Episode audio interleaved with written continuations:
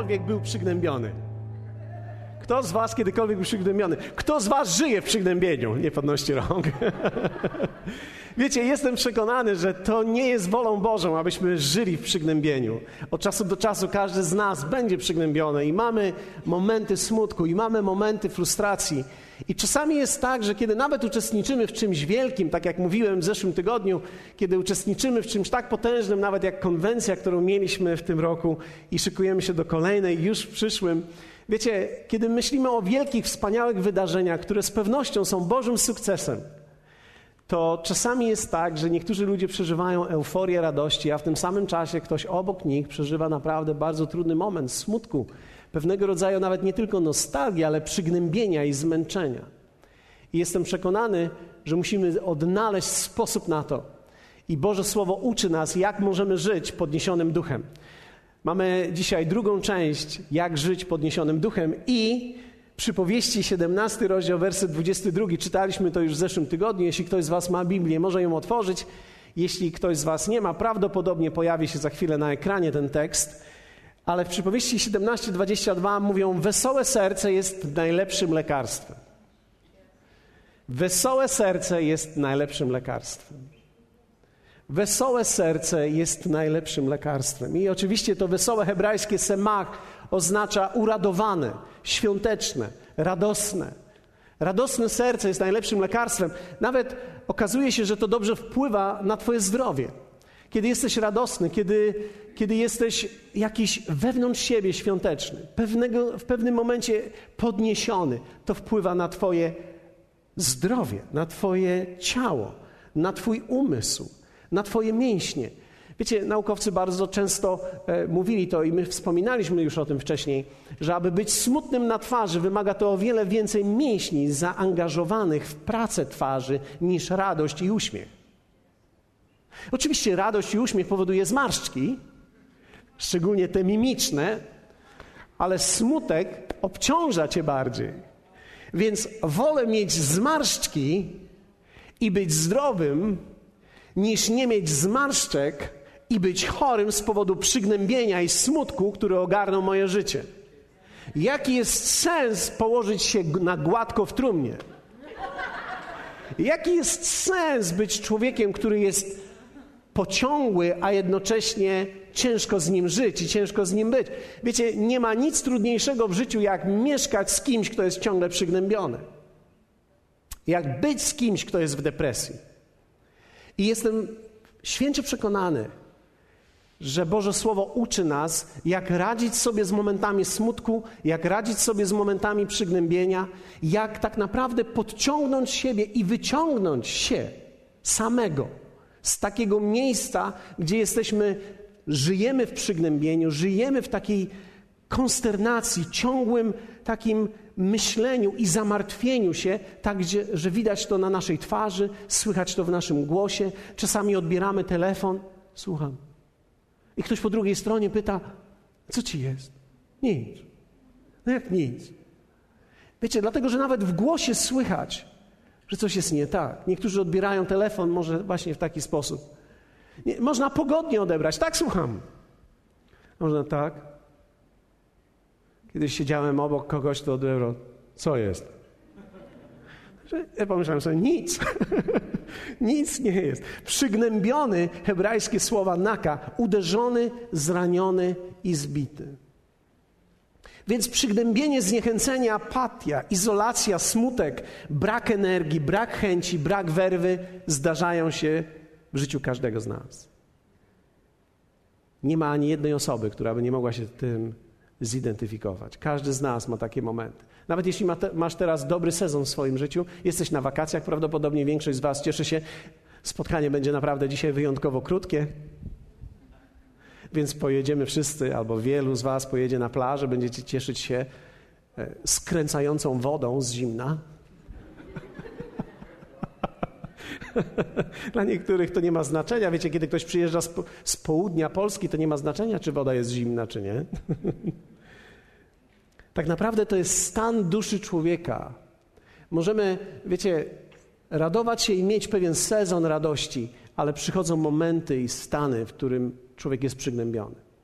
Ja również musiałem poradzić sobie z tym. I tak naprawdę chyba nie ma takiego sezonu, w którym nie musiałbym się z tym zderzyć i zmierzyć w swoim własnym życiu.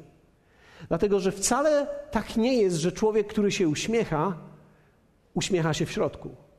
Są ludzie, którzy się uśmiechają, ponieważ tak wypada. Niektórzy są dobrymi sprzedawcami. Więc uśmiechają się z natury. Sprzedawcy. To znaczy wtedy, kiedy sprzedają, się uśmiechają. Później wracają czasami do domu i już się nie uśmiechają, bo nic nie sprzedają. Ale kiedy sprzedają, uśmiechają się. Więc mamy dzisiaj pewnego rodzaju treningi ludzi, w jaki sposób się uśmiechać i w jaki sposób tworzyć dobry klimat i atmosferę, w której jesteśmy podniesieni tak, abyśmy mogli wszystko sprzedać. Ale z drugiej strony, tak naprawdę nie chodzi o ten moment i chwilę tylko, ale o coś głębszego. O to, jak przeżywamy sami nasze życie. Czasami, gdy jesteśmy sami zupełnie. Mówiliśmy w zeszłym tygodniu, że porównywanie się z innymi jest przygnębiające. Kiedy człowiek porównuje się z innymi, to może być przygnębiające. Ja mówię, większość moich przyjaciół ma wielkie samochody. Gdy stają obok mnie ja porównuję mój samochód z ich samochodem, to, to jestem przygnębiony. Oni stają, patrzą na mnie. A, przyjechałeś, pastorze, dobrze. Porównywanie się z innymi jest przygnębiające.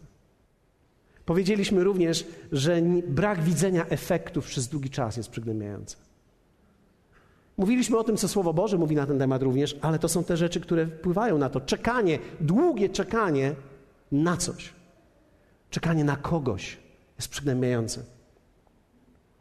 I powiedzieliśmy o tym, że zmęczenie jest przygnębiające. Dzisiaj pójdziemy troszkę w inną stronę. Mam nadzieję, że dzisiaj wyjdziecie stąd wszyscy 10 centymetrów nad tą wykładziną. Nie dlatego, że nie można po niej chodzić. Wręcz przeciwnie. Ona jest do przemysłowego używania. Ponieważ wierzymy, że tysiące ludzi przez nią przejdzie i zniszczymy ją i będziemy cudem kładlinową. Największą bitwę, jaką człowiek prowadzi, prowadzi w swoim własnym umyśle. Największe zwycięstwo życia, jakie kiedykolwiek możesz osiągnąć, to nie jest zwycięstwo w okolicznościach, ale to jest zwycięstwo nad Twoim własnym sposobem myślenia. Człowiek byłby szczęśliwy wszędzie, gdyby nie musiał ze sobą zawsze zabierać swojej głowy.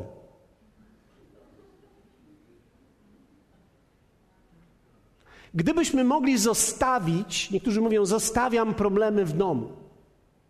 Zostawiam problemy w pracy. Ale to nie jest takie proste wcale, dlatego że one są gdzieś w naszej głowie i my podróżujemy z nimi.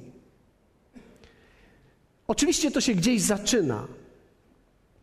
Jak wielu z Was wie o tym, że każdy z nas zrodził się tu z potencjałem grzechu i ta, to, ten posiew grzechu, posiew diabła był w nas. Nikt nie podniósł ręki. Ja rozumiem, e, bo, bo nikt z nas nie chce się do tego przyznać, ale wszyscy zrodzeni na tej ziemi dostali bodziec, który nie jest od Boga. Potencjał grzechu, którym czasami słyszeliśmy o grzechu pierworodnym, który czasami może nawet źle jest tłumaczony, ale posiew, który spowodował to, że każdy z nas zaczął wybierać źle. Zwróćcie uwagę, że już nawet małe dziecko, które ma rok czy dwa lata, nie musimy uczyć zła. Ono wie dokładnie, czyja to jest zabawka. Jego. Nie ma znaczenia, że kupił ją rodzic kogoś innego. To jest jego zabawka. Dlaczego? Ponieważ rodząc się już tutaj na tej ziemi, otrzymaliśmy to DNA, które nie jest od Boga. DNA, które jest niszczące. DNA, które spowoduje w konsekwencji złe wybory, które sprawia, że odchodzimy od Boga i tak naprawdę zaczynamy żyć niezależnie od Niego. Dlatego Biblia mówi, że każdy człowiek musi się narodzić dwa razy. Raz musi narodzić się z ciała, co większość z Was, którzy tutaj jesteście i którzy nas oglądacie, jesteście narodzeni z całkiem e, pięknego ciała. Możesz powiedzieć swojemu sąsiadowi: Wyglądasz dobrze dzisiaj rano. Naprawdę dobrze wyglądasz. Nawet lepiej niż ostatnio, gdy Cię widziałem. Wyglądasz bardzo dobrze. A więc każdy z nas ma jakieś ciało. Urodziliśmy się z ciała. Ale w tym ciele i w tej duszy dostaliśmy DNA, które wybiera dla siebie DNA grzechu. I to DNA grzechu nie weszło tylko w nasze ciało, ale przede wszystkim weszło w nasz umysł, w naszą duszę i zniszczyły naszego ducha. Dlatego nasz upadły umysł jest nasączony ciemnością. Tak zaczynamy wszyscy. Jesteśmy nasączeni ciemnością. To jest dziedzictwo naszego starego człowieka. Bóg dokonuje zatem naszej przemiany poprzez danie nam nowego ducha, rodzi nas na nowo, a z drugiej strony daje nam pewną pracę do wykonania, która nazywa się przemianą umysłu. Człowiek przygnębiony nie jest przygnębiony dlatego, że coś mu się stało, ale dlatego, że w procesie wyborów życia dojdzie do przygnębienia, bo był przygnębiony od samego początku. Człowiek rodzi się bez nadziei. Człowiek rodzi się bez przyszłości. Człowiek rodzi się z DNA, które nie jest z Boga. I wiecie, ja zdaję sobie sprawę z tego, że mówię w tej chwili coś, co większość z Was słyszy w telewizji zupełnie odwrotnie, że człowiek rodzi się dobry, że wszyscy ludzie są dobrzy, że wszyscy ludzie po prostu to jest tylko kwestia otoczenia ich miłością i wtedy dobro wyjdzie z nich. To jest tak, jakbyś zobaczył małe dziecko i rodziców, którzy otaczają miłością swoje dziecko, i ta miłość, która daje wszystko, niczego nie wymaga, tworzy wspaniałego potwora. Dlatego, że człowiek zawsze w życiu weźmie wszystko, co jest mu dane. Jest konsumentem od samego początku. To wymaga wielkiej przemiany, aby człowiek zaczął być dawcą. Umysł jest zatem naszym kluczowym problemem. Tam jest już przygnębienie od razu. I nie wiem, czy zwróciliście uwagę na to, ale kiedy my rośniemy, mamy czasami problemy z różnymi rodzajami depresji, z różnymi rodzajami złych myśli o nas samych. Jest wiele dzisiaj młodych ludzi, młodych dziewcząt, z którymi rozmawiam, które mówią: źle wyglądam. Jestem za gruba.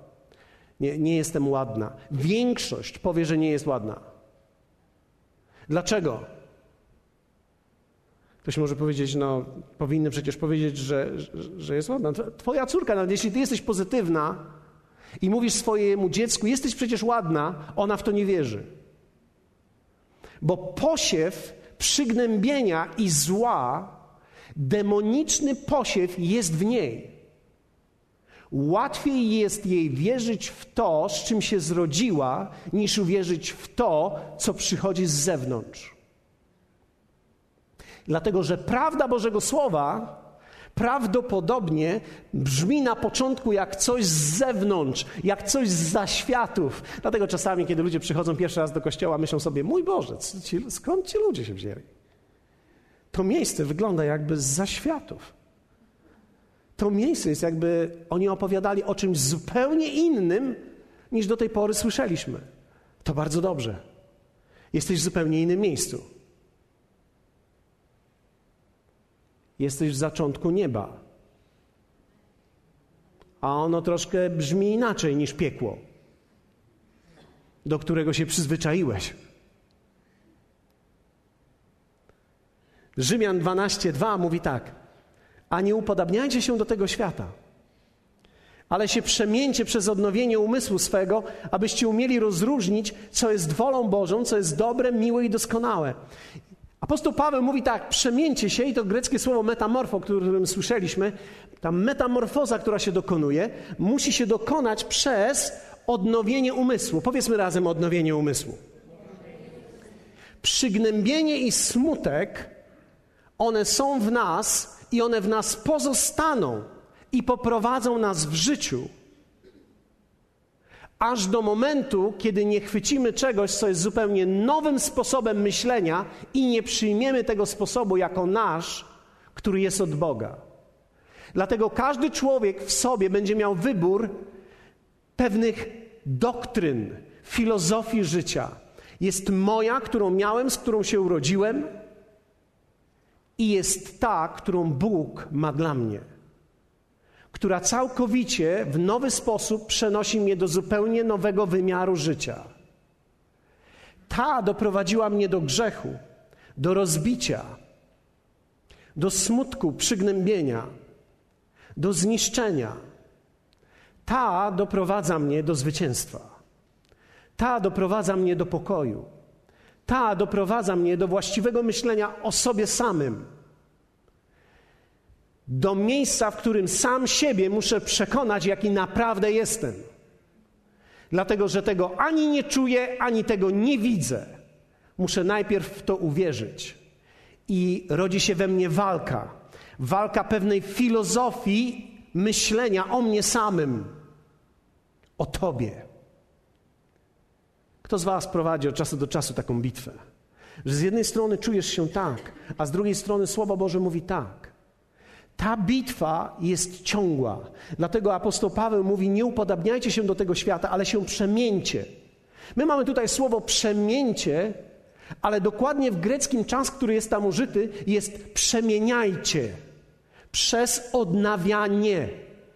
Innymi słowy, to nie jest coś skończonego, ale to jest ciągła przemiana i ciągłe sprawdzanie. To jest ciągłe skanowanie mojego umysłu, czy czasem nie ma w nim wirusa. Ja ciągle się muszę skanować, czy nie ma we mnie wirusa. Nie ma takiego miejsca w życiu, w którym powiem: Doszedłem już, jest wszystko dobrze. Każdego dnia podejmuję wyzwanie, aby się skanować, dlatego że mój umysł, przygnębienie, smutek, złe wybory, które za tym idą, tak naprawdę są konsekwencją mojego starego życia, który skończyło się w mojej naturze, bo teraz dostałem Bożą naturę, ale umysł mam stary i teraz umysłem muszę coś zrobić ja. A więc mamy wierzących ludzi, którzy, wyobraźmy sobie hipotetycznie, że mamy delikwenta, który rodzi się na nowo. Ten człowiek rodzi się na nowo, ma teraz nowego ducha, ma zupełnie nowe życie w sobie, ma relacje z Bogiem, ale w dalszym ciągu ma stary umysł. Wziął ze sobą swoją głowę. I teraz ta głowa, ta głowa, ta głowa, ta głowa, ta głowa te myśli ty będziesz musiał skonfrontować. Nikt ich nie skonfrontuje za ciebie. Ty będziesz musiał je skonfrontować. Dlatego, że wcześniej Twoja głowa była wypełniona porażką, była wypełniona tak naprawdę grzechem, nieczystością, odrzuceniem, wszelkimi nieczystymi myślami. Nawet w kościele. I teraz ta głowa musi być wypełniona zupełnie nowym programem, zupełnie nową rzeczywistością. I dopiero wtedy, kiedy ta głowa będzie wypełniana w nowy sposób, ten duch, który otrzymałeś, tego ducha, który otrzymałeś, z nowymi myślami, dźwigną całe Twoje życie w górę. Podniosą całe Twoje życie do miejsc, w których, o których marzyłeś, żeby być.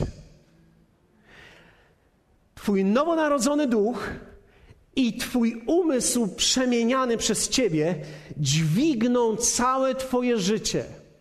Twoją karierę, Twoją rodzinę, to wszystko, czym żyjesz, do poziomu i do miejsca, które przekracza Twoje marzenia. To jest Boża wola dla każdego człowieka, ale to jest coś, czego nikt za Ciebie zrobić nie może. Ja mogę Ci pomóc w modlitwie, abyś się zrodził z Boga, abyś stał się nowym człowiekiem, ale to będzie Twoja wojna i walka o Twój własny umysł, aby dźwignąć siebie do góry. Kto z Was czuje, że dobrze by było, gdybyś tą bitwę wygrał? Kto z Was odczuwa w swoim sercu, że mój Boże, gdyby nie ta głowa, byłoby tak cudownie? Gdyby nie to, że tak źle myślę, byłoby tak wspaniale, mógłbym już zrobić to i być już w tym miejscu, a jednak ta moja głowa, nie martw się, nie martw się, Bóg daje ci słowo i daje ci swojego ducha, wyposaża cię we wszystko, aby dźwignąć ciebie, abyś mógł dźwignąć całe swoje życie, całkowicie nowy, na nowy poziom, całkowicie do nowej zupełnie rzeczywistości. Wiecie, Jezus mówił, mówił w ten sposób do swoich uczniów: Wy jesteście już czyści dla słowa, które wam głosiłem. Inaczej mówiąc, słowo, które Jezus mówił, miało moc jakby opłukiwać ich, tych uczniów, oczyszczać ich. Dlaczego? Bo kiedy człowiek słucha zupełnie innej rzeczywistości i o innej rzeczywistości, ona ma moc oczyszczać ciebie i twój własny umysł. Człowiek czuje się inaczej, gdy, gdy słucha czegoś innego. Jesteście ze mną? Jakub pisze o tym w taki sposób. Mądrość Pyta tak: Czy jest między wami ktoś mądry i rozumny? Niech to pokaże przez dobre postępowanie uczynkami swymi, nacechowanymi łagodnością i mądrością. Jeśli jednak gorzką zazdrość i kłótliwość macie w sercach swoich, to przynajmniej nie przechwalajcie się i nie kłamcie wbrew prawdzie. I dalej mówi: Nie jest to mądrość, która z góry stępuje, lecz przyziemna. Powiedzmy razem przyziemna. Zmysłowa. Powiedzmy razem zmysłowa Demoniczna. Nie bójmy się tego słowa, powiedzmy razem demoniczna. O. Przyziemna, zmysłowa, demoniczna, przygnębiająca, męcząca. Wiecie, kiedy ktoś przychodzi do mnie i mówi tak, pastorze, no co ty tak się tutaj cieszysz? Przecież i tak to wszystko, nie ma żadnej nadziei już. Czy ty widzisz, co się na świecie dzieje? Oczywiście, że tak. Biblia nie mówi, że świat ma nadzieję. Biblia mówi, że świat będzie w coraz większej ciemności, ale Biblia mówi również i Słowo Boże mówi również do nas, że ci, którzy przyjmują Słowo, będą świecić coraz mocniej, bo na świecie będzie coraz ciemniej. To znaczy, dla świata nie ma nadziei bez Boga, ale dla tych, którzy się go uchwycą, jest nadzieja ponieważ Bóg daje nam nowe życie i daje nam wszystko, abyśmy mieli nowy umysł, aby dźwignąć nasze życie do góry, tak abyśmy świecili jak gwiazdy na niebie.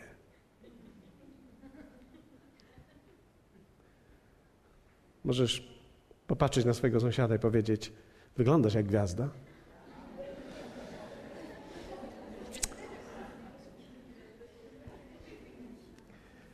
Bardzo interesujące słowo diabeł.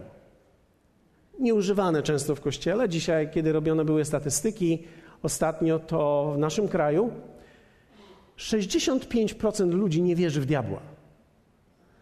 Ja myślę, że o to jemu chodziło w ogóle.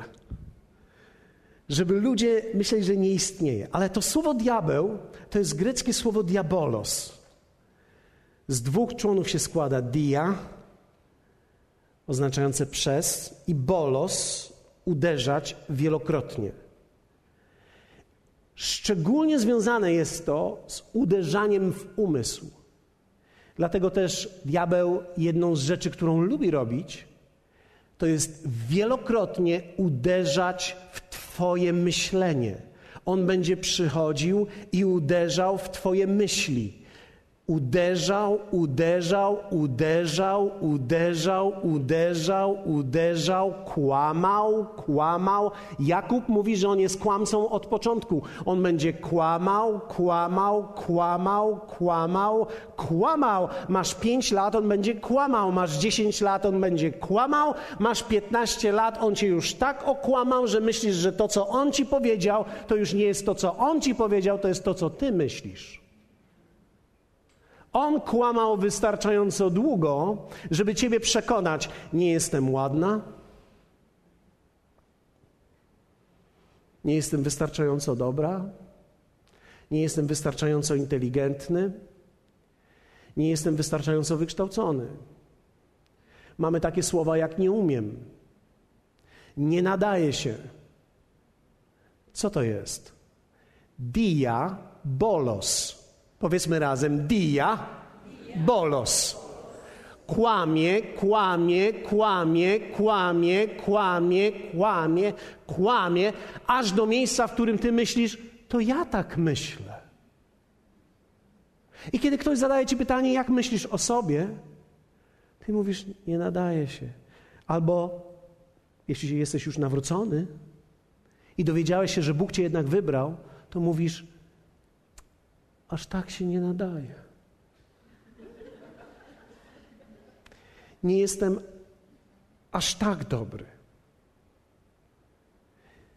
Diabolos, diabolos. Uderzam ciągle w to samo. Będę mówił, mówił, mówił i on mówi do ciebie przez twoich rodziców czasami. Do niczego się nie nadajesz. Nic z ciebie nie będzie. Nic z ciebie nie wyrośnie. Pro, proszę was, posłuchajcie mnie. To nie jest nawet ich wina bo oni tylko mogą ci dać to, co sami otrzymali. A co oni otrzymali? Od dziadka. Nic z ciebie nie będzie.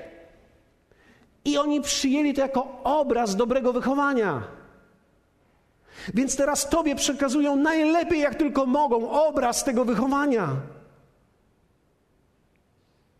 I teraz Ty rodzisz się na nowo i przychodzisz do Boga i nagle myślisz, nic ze mnie nie będzie. Diabolos, diabolos, diabolos. Kłamstwo, kłamstwo, kłamstwo, kłamstwo. Kto sobie może z tym poradzić? Tylko ten, kto podejmie wyzwanie i walkę o swój własny umysł.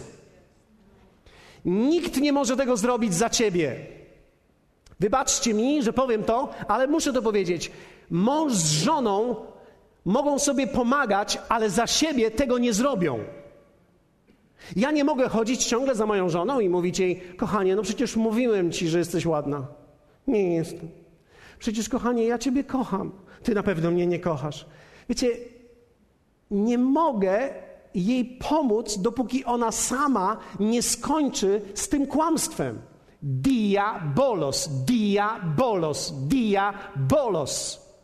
Ona nie odpocznie, dopóki nie przyjmie prawdy o sobie, że jest Bożą kobietą, że została wybrana przez Boga i że Bóg połączył ją ze mną ku dobremu. Hallelujah!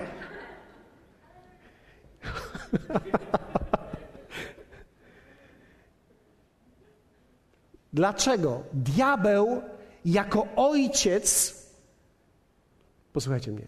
Jako ojciec upadłego Adama, ponieważ sam wcześniej upadł, kto z Was pamięta, że diabeł upadł? Biblia mówi, że diabeł upadł z bardzo wysoka, z bardzo wysokiego tronu. On upadł.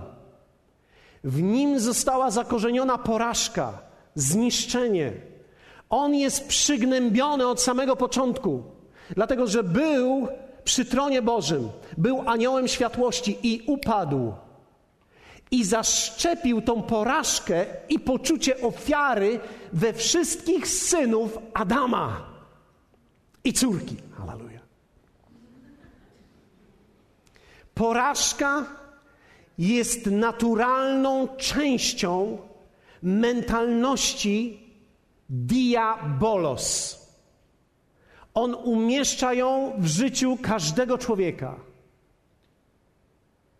Dlatego też do zwycięstwa trzeba się przebudzić. Ku zwycięstwu człowiek musi powstać sam.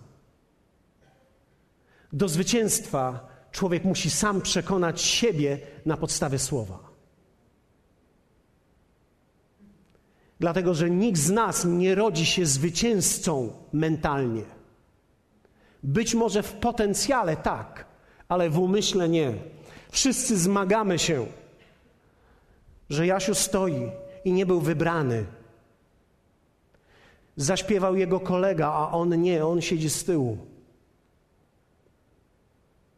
On nie był najszybszy, on nie był najbystszy, on nie był najlepszy, on nie był najbardziej inteligentny, on jakiś tam nie był. A nawet jak był, to może nie był dla swojego taty, dla którego zawsze cztery to było za mało, bo to nie było pięć. Więc on całe życie, może nawet był dobry, ale nie był wystarczająco dobry i porażka została w niego wtłoczona. Diabolos, diabolos, diabolos. Porażka, porażka, porażka. Z porażką związane jest przygnębienie. Dlatego tak wielu ludzi żyje w przygnębieniu, ponieważ żyją w DNA porażki.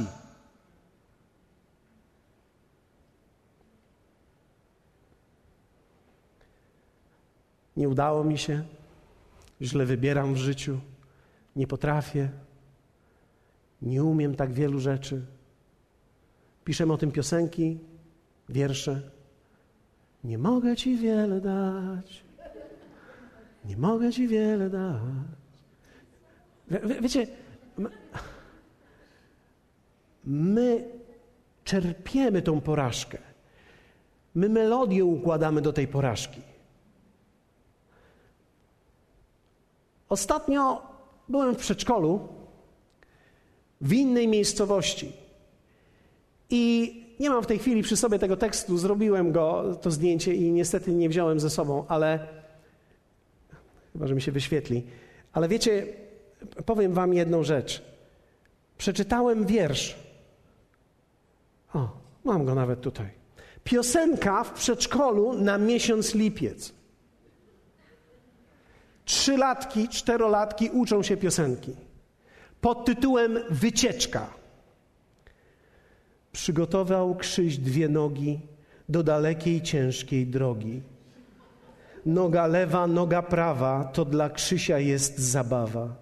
Idzie Krzyś, wicher dmucha i do tyłu ciągnie go, ale Krzyś się nie przejmuje i do przodu maszeruje. Halleluja! Jak wielu z Was chce być na takiej wycieczce? Pomyślałem sobie, my już trzylatki, czterolatki uczymy, że wycieczka to jest ciężka, daleka droga. Że wiatr na pewno będzie w przód i że będziesz musiał iść i będziesz musiał przetrwać i będziesz musiał wytrwać, a to jest wycieczka. To nie jest obóz jeniecki. To, to, nie jest powrót z obozu, to jest wycieczka, to są wakacje. My uczymy dzieci, w literaturze naszej jest mnóstwo porażki. My uczymy i przygotowujemy dzieci na porażkę. My uczymy ludzi i mówimy: nie bądź zbyt pyszny, nie sięgaj zbyt daleko, nie sięgaj szczytów. Prawdopodobnie jesteśmy naprawdę świetnie wyedukowanym narodem do przegrywania.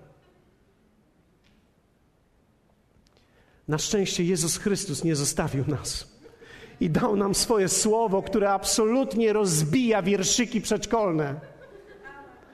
Dyrektorka tego przedszkola, to moja znajoma, powiedziała: Proszę cię, nie powiedz tylko w jakim przedszkolu. Jak się to pokonuje? Wiecie, ja myślę, że jest czas na nowe wiersze, jest czas na nowe piosenki.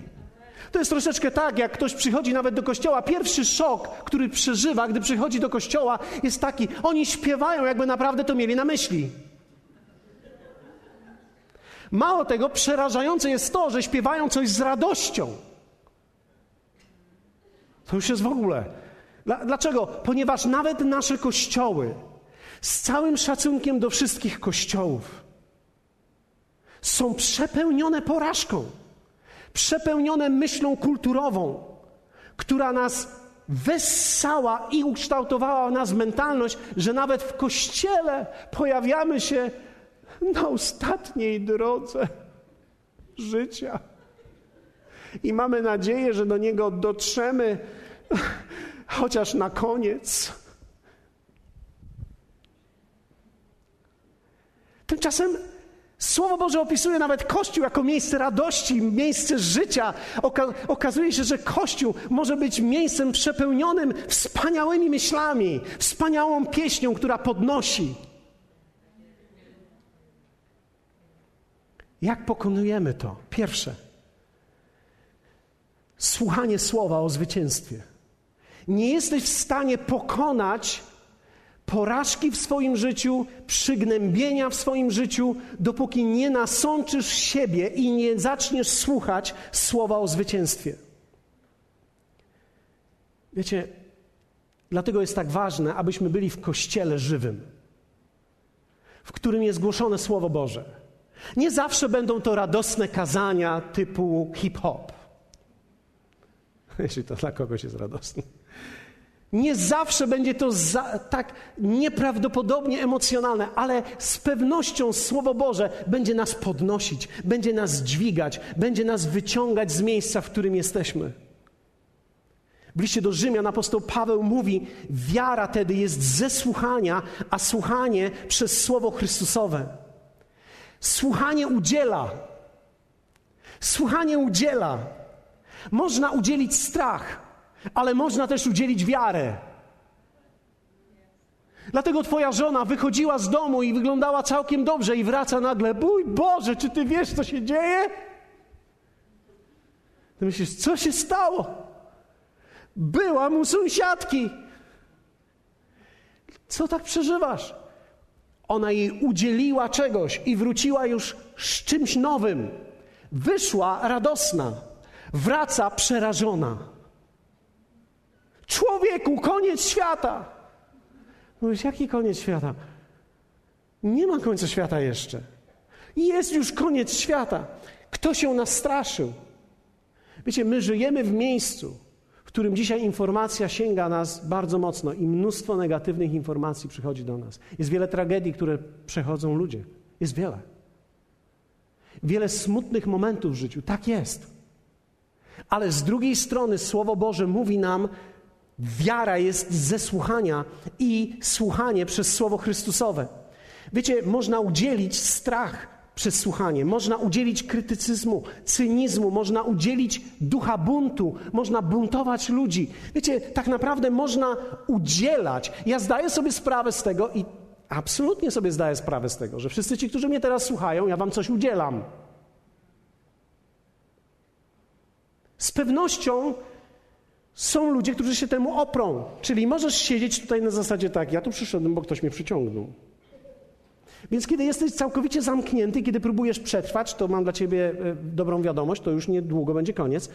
E, prawdopodobnie nie udzielę ci niczego, ale ludzie, którzy słuchają otwarcie, z otwartym sercem i z otwartym umysłem, prawdopodobnie udzielam ci jakiejś nowej myśli Musisz słuchać słowa o zwycięstwie. Gdy ja zacząłem słuchać słowa o zwycięstwie w moim życiu, zacząłem słuchać słowa Bożego głoszonego przez innych ludzi, to było tak obce, to było tak trudne do przyjęcia.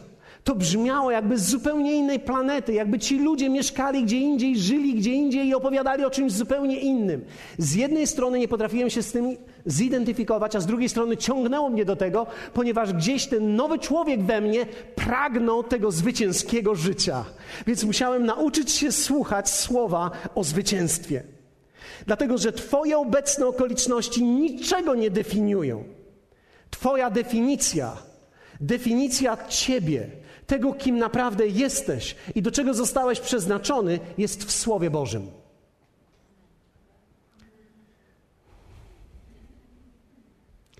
Słowie Bożym. Zachariasz, dziewiąty rozdział mówi tak. W owym dniu da im Pan, ich Bóg, zwycięstwo. Powiedzmy razem w owym dniu. On mówił o jakimś dniu, dlatego że to jest Stary Testament, i on mówił o jakimś dniu, i ten dzień to był dzień, kiedy Jezus umrze na krzyżu i pokona wszelkiego wroga. To był dzień, kiedy Jezus umarł, i później dzień, w którym on zmartwychwstał. O tym owym dniu mówił Stary Testament i opowiada o nim tak: Da im Bóg tego dnia zwycięstwo. Będzie pasł swój lud jak trzodę, doprawdy jak klejnoty diademu będą błyszczeć nad jego krajem. I werset 17 mówi tak, o jak dobrze będzie i jak pięknie. Powiedzmy razem, o jak dobrze i jak pięknie. Ja wiem, że to brzmi może nieco obco dla ciebie dzisiaj. Bo przyszedłeś, jesteś zmęczony, jesteś w tym DNA, jesteś być może pobity, być może jesteś przygnębiony, być może leżysz na wakacjach gdzieś na plaży i w dalszym ciągu trzyma ciebie coś tutaj, ale dzisiaj chcę ci powiedzieć, że Bóg mówi w owym dniu będą mówili o jak dobrze będzie i jak pięknie. Wygląda mi na to, że Zacharias był, był człowiekiem o podniesionym duchu. A list do Rzymian apostoł Paweł wszczepia w nas to jeszcze mocniej. Posłuchajcie mnie, bo to brzmiało dla mnie bardzo obco. Czy wybaczycie mi, że ja się tak ekscytuję? Wybaczcie mi tą trochę ekscytacji. Ale ja was tydzień czasu nie widziałem. I jestem podekscytowany Słowem Bożym. Tym, co to uczyniło we mnie. Wczoraj nie mogłem się oderwać od tego, żałowałem, że sobota nie jest niedzielą.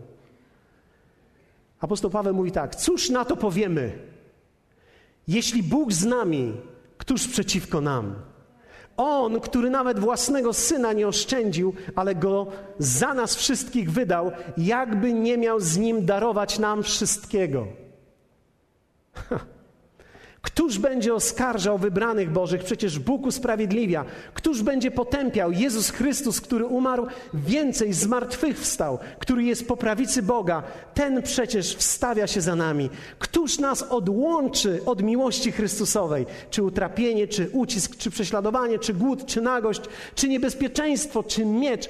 Apostoł Paweł wymienia tutaj różne okoliczności negatywne i mówi: To wszystko Mówi tak, z powodu Ciebie co dzień nas zabijają, uważają nas za owce ofiarne. I werset 37. Ale w tym wszystkim zwyciężamy przez tego, który nas umiłował. Apostoł Paweł wymienia wszystkie negatywne okoliczności i mówi, ale w nich wszystkich, w tych negatywnych okolicznościach, jedna rzecz jest ze mną dobrze – mój umysł, mój umysł zwycięzcy, który mi mówi, że w tym wszystkim zwyciężam przez tego, który mnie umiłował. Zwróćcie uwagę, z moje zwycięstwo związane jest z miłością Bożą do mnie i z Bożą i z miłością moją do Niego. Zwyciężamy, powiedzmy razem, zwyciężamy przez tego, który nas umiłował. Ktoś może powiedzieć, ile razy mam to słuchać? Diabolos przez naście, dziesiąt lat mówił Tobie jedno. Teraz potrzebujesz to wyrównać i mówić do siebie słowa, które Bóg mówi o Tobie. Prawdę, która Cię wyzwoli. Jesteś zwycięzcą. Jesteś zwycięzcą. Jesteś zwycięzcą. Jesteś zwycięzcą. Jesteś zwycięzcą. Jesteś zwycięzcą. Jesteś zwycięzcą. Jesteś zwycięzcą. Jesteś zwycięzcą. Jesteś zwycięzcą. Chciałbym to powiedzieć do każdego z Was. Jesteś zwycięzcą. Jesteś zwycięzcą. Zwycięzcą jesteś. Ty również jesteś zwycięzcą. Wiem, większość z Was mówi do mnie, ale Ty nie wiesz, to przez co przechodzę. Ty nie wiesz, jakie mam życie. Ty nie wiesz, jakie mam okoliczności. Okej? Okay? Okej? Okay? Poczekaj, nie mów mi tego. Jesteś zwycięzcą. Jesteś zwycięzcą. Będziesz musiał skonfrontować to, co czujesz, to, w czym jesteś, z tym, co mówi Słowo Boże o tobie. Albo pozostaniesz ofiarą i zgodzisz się z tym wszystkim, z tą porażką, która została w ciebie włożona, albo pochwycisz umysł zwycięzcy i podniesiesz swoje życie do tego poziomu. Nikt nie zrobi tego za nas. Ja myślałem, że wielcy ludzie to zrobią za mnie. Myślałem, że oni to jakby przekażą mi, ale wierzcie mi, nic nie może tego, nikt nie może ci tego przekazać. Ktoś może ci to udzielić, ale widzisz, nawet gdy ci to udzielę, to jest kwestia trzech telefonów tam na zewnątrz i już to zgubisz. Dlatego musisz wziąć słowo i słuchać tego też regularnie, regularnie wypełniać siebie samego, swój umysł słowem, które Bóg ma o Tobie i do Ciebie. Oczywiście przez lata to słowo zwycięstwo ewaluowało we mnie. Ponieważ kiedy człowiek ma 20 lat, zwycięstwo oznacza podbić świat. Kiedy człowiek ma 40 lat, cieszy się, gdy podbił samego siebie. I oczywiście, że to się musi zmieniać. Ale wiecie co? To działa. Ja dzisiaj w środku nie czuję, że mam porażkę. W środku czuję, że staję się coraz bardziej zwycięzcą. Ktoś może powiedzieć, świetnie być w takim miejscu. To nie jest miejsce, to jest droga. Ja ciągle muszę to robić, ciągle to muszę robić, ciągle to muszę robić, nie mogę ustawać. Ciągle to muszę robić, ciągle muszę słuchać, ponieważ tak wiele się nasłuchałem na swój temat złych rzeczy, gdy dorastałem, że teraz całe życie muszę poświęcić, aby mój umysł ciągle kształtować Jego słowem. Powiedz do siebie: jesteś zwycięzcą. Jestem zwycięzcą. Jestem zwycięzcą. Wiecie, jesteś przeznaczony do zwycięstwa i życia zwycięstwem. Ja kiedyś myślałem, że lepiej byłoby powiedzieć: jesteś skazany na zwycięstwo. Ale tak nie jest, dlatego że skazany oznacza nie mam żadnego wyjścia. Ale ty masz wyjście. Człowiek nie jest skazany na zwycięstwo, jest powołany do zwycięstwa. I to jest wielka różnica, ponieważ Bóg nie zrobi za ciebie tego. On dał ci nowego ducha, dał ci swoje słowo, a teraz ty musisz dźwignąć swój umysł do zupełnie nowego poziomu. List do Koryntian, apostoł Paweł w pierwszym liście do Koryntian mówi tak, ale Bogu niech będą dzięki, który nam daje zwycięstwo przez Pana naszego Jezusa Chrystusa. Powiedzmy razem, ale Bogu niech będą dzięki, który nam daje zwycięstwo przez Pana naszego Jezusa Chrystusa. Gdyby to jeszcze było mało, on mówi dalej w drugim liście do Koryntian. Lecz Bogu niech będą dzięki, który nam zawsze daje zwycięstwo. Czyli nie tylko daje nam zwycięstwo, ale jeszcze na dodatek zawsze nam daje zwycięstwo. Nie zwycięstwo, zawsze zwycięstwo. W złych okolicznościach daje mi zwycięstwo. W trudnościach, które przechodzę, daje mi zwycięstwo. Gdy jestem w sytuacji trudnej, finansowej, na przykład, wiem, że wewnątrz tego, mimo tych okoliczności, On daje mi zwycięstwo. Te okoliczności nie muszą definiować dzisiaj mnie. One nie definiują mnie. Słowo Boże mnie definiuje, a Słowo mówi: Jestem zwycięzcą, więc jestem tym zwycięzcą. Zwycięstwo nie zaczyna się od manifestacji, zwycięstwo zaczyna się od umysłu. Najpierw tutaj stajesz się zwycięzcą, później na zewnątrz zaczynasz manifestować to. Mam konflikty z moją żoną, jest mi trudno, jesteśmy, wiecie, może się zdarzyć, jesteśmy w trudnym momencie małżeństwa. Nie jesteśmy, ale mieliśmy takie momenty i od czasu do czasu przychodzą takie momenty. Jestem zwycięzcą. Nie po tym, w trakcie tego.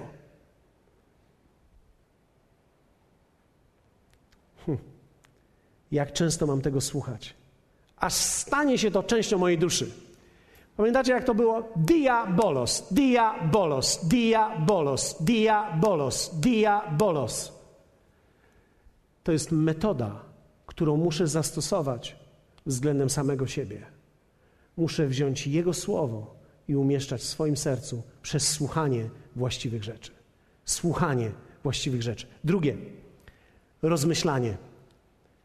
Apostoł Paweł w liście do Filipian mówi, wiecie, to było bardzo trudne dla mnie, dlatego że człowiek nie myśli celowo często. Kto z was zauważył, że twój umysł może być puszczony tak zupełnie jak chcesz? Kto z was ma takie tendencje? Wszyscy mamy podobne sytuacje. No, czasami odpływamy naszym umysłem, czasami moja żona mówi, kochanie, gdzie jesteś? Siedzę tutaj. Gdzie jesteś? O, nie wiem już teraz, gdzie. Nawet czasami nie chcę jej powiedzieć, gdzie jestem. Wiecie, trzeba nauczyć się celowego myślenia. Apostoł Paweł w liście do Filipian mówi tak: Wreszcie, bracia, myślcie tylko o tym, co prawdziwe, co poczciwe, co sprawiedliwe, co czyste, co miłe, co chwalebne, co jest cnotą i godne pochwały. Ale wiecie, to jest mowa o celowym myśleniu. Celowe myślenie musiało stać się częścią mojego życia. Ja musiałem nauczyć się celowo myśleć właściwie. Więc musiałem wyodrębnić sobie czas. Teraz mam ten czas każdego ranka, gdy biorę Słowo Boże i zaczynam myśleć właściwie o sobie. Zaczynam poranek od umieszczania w siebie właściwych myśli. Hmm. Nic bardziej nie ma zgubnego niż spontanicznie puszczony umysł jest jak zwierzę nienauczone. Ciągle musisz je korygować, bo się zabije. W zeszłym roku mieliśmy sytuację taką, gdzie pies mojej córki wybiegł i mimo, że go wołałem, on nie wrócił i zginął pod kołami. Często jest tak z umysłem, że kiedy nie jest trenowany, on nie reaguje właściwie. I jeśli masz takie zwierzę i wyhodowałeś takie zwierzę, to Twój umysł może iść w takie miejsca, w którym Ty nie chciałbyś podróżować. Dlatego musimy nauczyć się myśleć celowo. Powiedzmy razem rozmyślanie. Rozmyślanie. Rozmyślanie, rozmyślanie, więc zaczynam dzień od rozmyślania o właściwych rzeczach, o mnie, o moim życiu, o Bogu, o tym, który jest wierny. Bo wiecie, można zacząć dzień od budzika RMFFM. I pierwsze, co masz wiadomości, zabitych tyle, w ten weekend tyle. I ty zaczynasz swój umysł, ty tego nie wiesz, ale swój umysł zaczynasz karmić rzeczami negatywnymi. I wtedy mówisz, nie wiem dlaczego wstałem lewą nogą. Nie wstałeś lewą nogą, ty wstałeś lewą półkulą. Ty wstałeś głową i od razu jesteś smutny, przygnębiony, i teraz niech mnie coś rozbawi, niech mnie coś rozweseli. Ale co cię ma rozweselić? TVN 24? Nie, weź Słowo Boże, zobacz, co ono mówi o tobie. To jest, wiecie, codzienne rozmyślanie jest jak mycie. To jest jak mycie zębów, jak mycie siebie, branie prysznica. Tak trzeba. Regularne mycie daje życie. Regularnie oczyszczam mój umysł, biorąc i mówiąc do swojego dnia, jaki on będzie. Dzisiaj będzie wspaniały dzień. Będzie wspaniały dzień. Zwycięski dzień. On będzie tego dnia. On będzie Panem tego dnia. Dlatego dzisiaj, bez względu na moje okoliczności życia, On będzie Panem. On da mi zwycięstwo. Bez względu na okoliczności, w których się dzisiaj znajduję, jestem zwycięzcą. On mnie uczynił zwycięzcą. On na krzyżu umarł, abym ja mógł zwyciężyć. Dlatego ja dzisiaj przeprogramowuję siebie, przemieniam mój umysł, oczyszczając go, słuchając słowa, rozmyślając o właściwych rzeczach. I ostatnia rzecz, naśladowanie zwycięzców. Wiecie, trzeba umieć naśladować ludzi właściwie. Trzeba być z ludźmi, którzy osiągają sukces. Jedna z najtrudniejszych relacji w życiu, które widzę, ludzie często nie potrafią ich nawiązać, to są relacje w górę. To jest relacja z kimś, kto odnosi jakikolwiek sukces. To jest bardzo trudne. Dlatego, że kiedy masz być z kimś, kto odnosi jakikolwiek sukces, natychmiast to powoduje, że ty się czujesz mały przy tej osobie, czujesz, że nie możesz zawracać głowy tej osobie, czujesz, że nie możesz spędzić zbyt wiele czasu, nie nadajesz się, nie jesteś w tym klubie, nie jesteś wśród tych zwycięzców. Czujesz, że nie pasujesz tam. Zobaczcie, jak wiele rzeczy w nas jest. Musimy z tym przestać, skończyć. Dlatego, że jedna z największych rzeczy to jest naśladować kogoś, a żeby naśladować kogoś, trzeba z nim być. Apostoł Paweł w liście do Filipian powiedział tak: czyńcie to, czego się nauczyliście i co przyjęliście, co słyszeliście, i teraz zobaczcie, co widzieliście u mnie. Powiedzmy razem, co widzieliśmy. Wiecie, są ludzie, którzy znają zasady i dalej coś nie działa w ich życiu. To jest tak, jak ktoś przyszedł do mnie i powiedział tak, pastorze, jak to jest w moim życiu? Widzę ludzi, którzy dają, dają dziesięcinę, dają ofiary i dalej mają porażkę w swoim życiu. Czy w takim razie dziesięcina nie działa? Ja mówię, nie, działa. To co nie działa? No i widzisz, tutaj dochodzimy do pewnych szczegółów. Powiedzmy razem szczegóły. Zasady są ważne, ale szczegóły są ważniejsze. Tutaj mamy okazję, e, wiecie, niedawno miałem okazję być na rybach. Ktoś mnie zaprosił na ryby i pojechaliśmy na połów dorsza. Fantastyczna zabawa. Zresztą te osoby dzisiaj nas oglądają i są tutaj, które zrobiły to, wkręciły mnie w ten połów dorsza. Ja nigdy nie byłem wielkim wędkarzem, ale znam zasady. Dostaję wędkę, jest żyłka, jest haczyk, jest ten ciężarek, ten błyszczyk, na który, e, nie umiem tego inaczej powiedzieć, to się jakoś nazywa specjalnie, ale, ale to, to obciążenie. I wrzucasz to do wody I masz ruszać tą wędką. Powiedzmy razem zasady. Trzeba poznać zasady. I teraz ruszamy tą wędką. Ja ruszam tą wędką, a obok mnie stoi młoda dziewczyna o imieniu Magda, córka właściciela tej łodzi. Te same zasady, ta sama woda. Ona wyciąga za każdym razem rybę, a ja nie mogę wyciągnąć ryby. I wiecie, stoję obok Magdy, te same zasady. W końcu złapałem jej wędkę i patrzę. Taka wędka jak moja, żyłka jak moja. Mówię do niej, a masz troszeczkę bardziej to czerwone, to może to jest to czerwone, bardziej powoduje, że one to widzą. Ona wzięła to, odczepiła to czerwone, dała na moje czerwone, a do siebie przyczepiła jakieś zielone. I wrzucamy, ja wrzucam zadowolony, że teraz moje czerwone będzie brało. Te same zasady, ta sama woda. Próbowałem, żeby tak to nie wyglądało, ale robiłem tak. Patrzyłem, gdzie ona wrzuci, i ja wrzucałem obok niej. Tak się normalnie chyba nie powinno robić. Ale pomyślałem sobie, no przecież nie może tak być, żeby dziewczyna łowiła więcej niż ja. Więc biorę, patrzę, ona łowi i wyciąga. O, znowu mam. Patrzę na jej wiadro i patrzę na moje wiadro. Moje wiadro przezroczyste, woda klarowna, nie ma ryby. Jej wiadro kotłujące się od ryb. Ta sama woda, te same wędki, te same żyłki. Podobnie wyglądający ludzie. Nawet ruchy podobne robię. Patrzę, jak ona robi. Ona tak robi i ja też tak.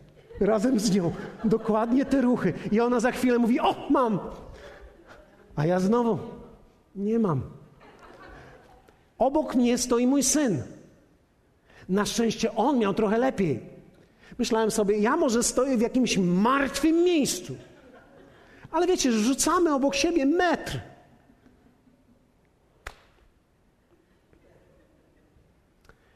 I wtedy ona mówi: Przyglądaj się uważniej. Wiecie, dlatego, że można mieć czasami zasady i można mieć ten sam sprzęt, ale będą inne efekty. Dlatego, że te małe rzeczy, które ci ludzie robią, w konsekwencji decydują o tym, czy jest wielki połów, czy mały połów. Zakończyliśmy te połowy z moją wielką klęską. Postanowiłem publicznie to powiedzieć. Magda, jesteś nieprawdopodobna. Ma dwadzieścia chyba pięć lat. Łowi więcej niż większość mężczyzn. Zna tą szczegółowość pewnych rzeczy. To jest dokładnie tak samo w życiu. Niektórzy ludzie nie są wystarczająco blisko innych, którzy zwyciężają, aby móc nauczyć się szczegółów. Dlatego często myślą, zasady nie działają. Zasady działają. Zasady działają, ale jest mnóstwo szczegółów, które trzeba podłapać i inaczej się tego nie złapie, jak bycie blisko kogoś. Dlatego jedną z największych rzeczy w Królestwie Bożym, którą mamy, to jest dostępność do ludzi. Małą grupę, którą mamy, ludzi, z którymi się spotykamy. Upewnij się, że w tej grupie są jacyś zwycięzcy, rzeczy, które ty potrzebujesz. Bo wtedy nauczysz się tych szczegółów, tych małych, szczególnych ruchów, które cię przeniosą do zupełnie nowego miejsca. Powstańmy razem i powiedzmy: Jestem zwycięzcą. Nawet jeśli brzmi to bardzo ciężko dla ciebie teraz, poproszę może tu. Nawet jeśli to brzmi bardzo ciężko dla Ciebie teraz, nawet jeśli jest to trudne dla Ciebie, chciałbym zachęcić, abyś rozpoczął tą podróż przemiany swojego myślenia. Jestem zwycięzcą. Bóg zrodził mnie do zwycięstwa. Niezależnie od moich okoliczności, jestem zwycięzcą. Powiedz to Jemu. Stań teraz przed Nim i powiedz: Panie, należę do grona zwycięzców. Jeśli narodziłeś się na nowo i przyszedłeś do Jezusa,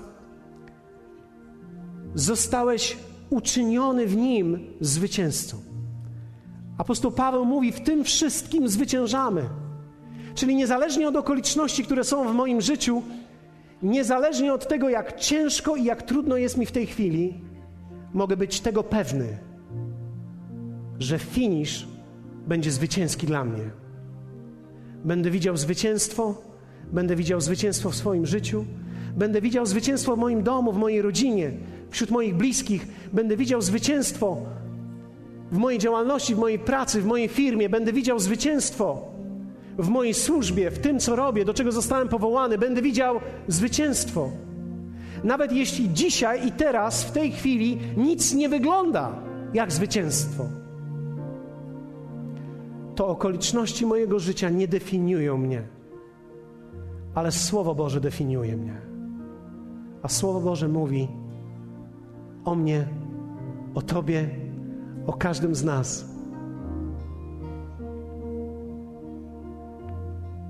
Lecz Bogu niech będą dzięki, który nam zawsze daje zwycięstwo w Chrystusie i sprawia, że przez nas rozchodzi się wonność poznania Bożego po całej ziemi.